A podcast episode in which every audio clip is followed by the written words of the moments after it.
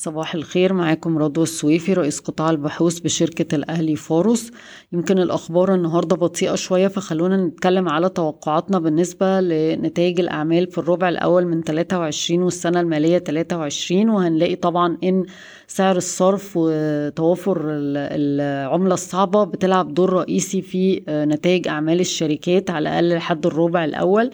إحنا شايفين الشركات بشكل عام هترتفع أرباحها في حدود العشرين في المية. آه، ده بعد ما نكون آه، استثنينا خسائر العملات الأجنبية لبعض الشركات آه، وفي السنة المالية 23 هترتفع بنسبة 5% عايزين نخص بالذكر الشركات اللي هتشوف ارتفاع عالي في أرباحها في نمو أرباحها السنة دي أكتر من 30% وهي قناة التوكيلات الملاحية اسكندرية لتداول الحاويات مصر إنا للأسمنت والعربية للأسمنت أموك فوري كونتاكت القبضة ايجي ترانس ام تي اي السويدي النساجون الشرقيون أبو قير للاسمدة وسيدي كرير مستشفيات كيلوباترا و e-finance وبنك قناة السويس وأخيرا آه، عبور لاند وجهينة.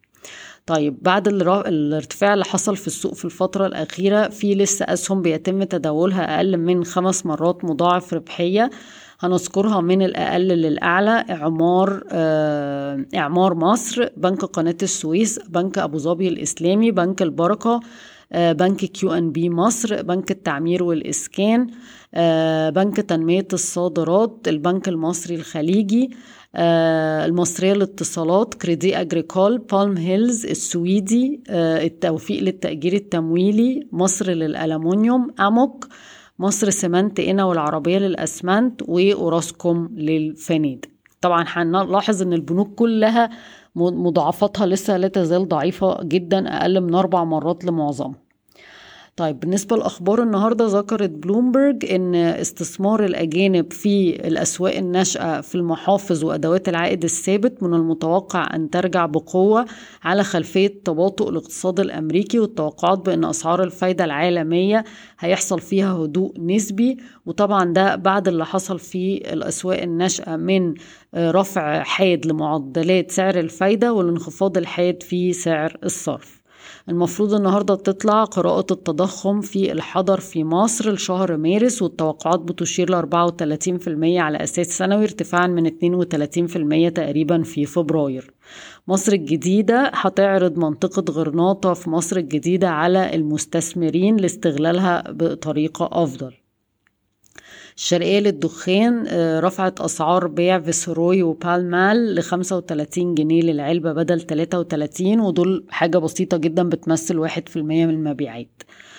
EFG Hermes وافق مجلس الإدارة على زيادة رأس المال من خمسة وتمانية من عشرة مليار جنيه لسبعة وتلاتة من عشرة مليار جنيه من خلال توزيع واحد لأربعة أسهم مجانية ممولة من الأرباح المحتجزة.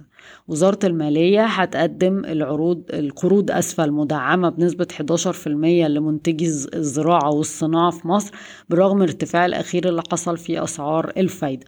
ضخ المدخرون 178 مليار جنيه في الشهادات الجديدة اللي تم طرحها من بنك الأهلي وبنك مصر بعائد من 18 ل 20% على ثلاث سنين. هيئة قناة السويس أعلنت عن وضع حجر الأساس لمصنع بولي إيثيلين هندي بقيمة 110 مليون مليون دولار هيتم تنفيذه على سنتين بخطة إنتاجية 30 ألف طن شهريا. آه، وافقت الجمعية العمومية لشركة بايونيرز العقارية على شراء آه، أسهم خزينة. النهارده هفكركم بأسعار السلع العالمية معظمها انخفاض الفرق بين الديزل وال heavy fuel oil نزل 14% ل 335 دولار للطن اليوريا في مصر نزلت 12% ل 330 دولار للطن الالومنيوم نزل 3.5% ل 2292 دولار للطن اللبن البودرة نزل 3% ل 2580 دولار للطن. الفرق بين الحديد وخام الحديد نزل 2% ل 463 دولار للطن. البولي إيثيلين نزل 1.7 من 10% ل 1130 دولار للطن. الأسمنت في مصر نزل 1.5% ل 1892 جنيه مصري للطن. البولي بروبيلين نزل 1% ل 993 دولار للطن. البراند آه، طالع 6.7 من 10% ل 85 دولار للبرميل. والف الفحم البخاري طلع تسعة في المية المية أربعة وتسعين دولار للطن. بشكركم ويوم سعيد.